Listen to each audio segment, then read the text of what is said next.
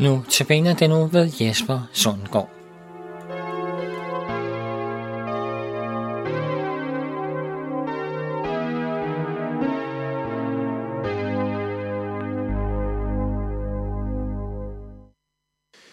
Overskriften for dagens andagt er Mange lande vil angribe Israel.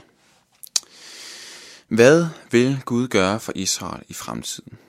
Det er spørgsmålet for denne uges andagter. De første tre dage har vi set på tre meget positive ting. Gud vil samle jøderne, han vil skabe en åndelig vækkelse, og han vil lade landet blomstre op. I dag kommer vi til en mere alvorlig profeti om, hvad der skal ske i Israel i fremtiden. Der skal nemlig ikke kun være glæde og fred.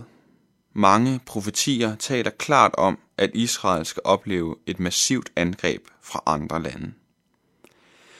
En af de profetier, en af de profeter, der taler klarest om et forestående angreb, er Zakarias. I Zakarias kapitel 14, vers 1-3, står der følgende. Se, der kommer en dag, Herrens dag, da byttet de har røde hos dig fordeles. Da samler jeg alle folkeslag til krig imod Jerusalem. Byen bliver indtaget, husene udplyndret, kvinderne voldtaget. Halvdelen af byen må gå i landflygtighed, men resten af folket skal ikke udryddes fra byen. Herren vil rykke ud til angreb på disse folkeslag, som når han angriber på kampens dag. Af denne passage kan vi konkludere tre ting.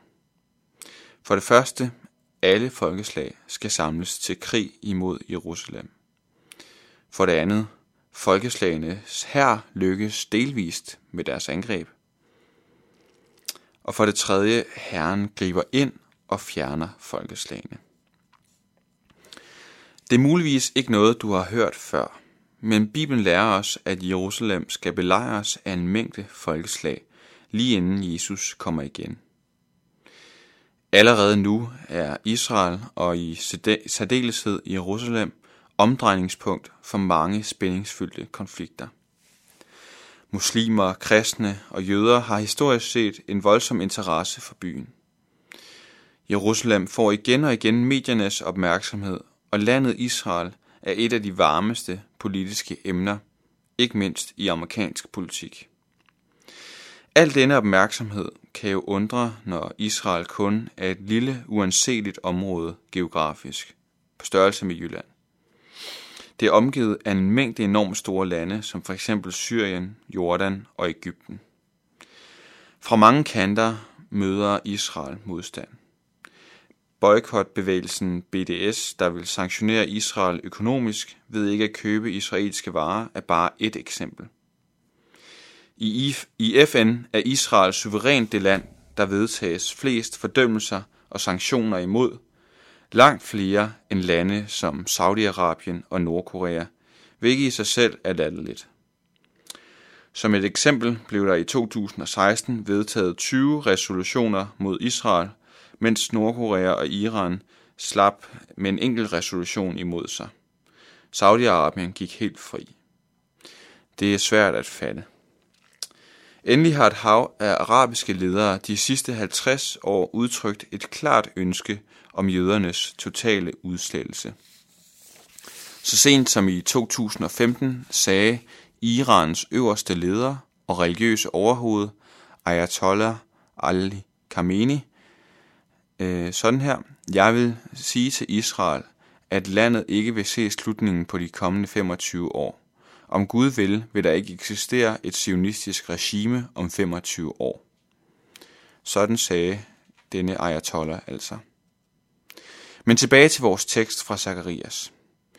Alle folkeslag skal på et tidspunkt samles mod Jerusalem i endnu højere grad end det, der foregår lige nu. Der står faktisk, at det er Gud selv, der samler dem, hvilket giver os en ledetråd til formålet med samlingen. Det er ligesom en god krigsfilm, hvor kampene har vekslet frem og tilbage, og nu skal det sidste store slag stå.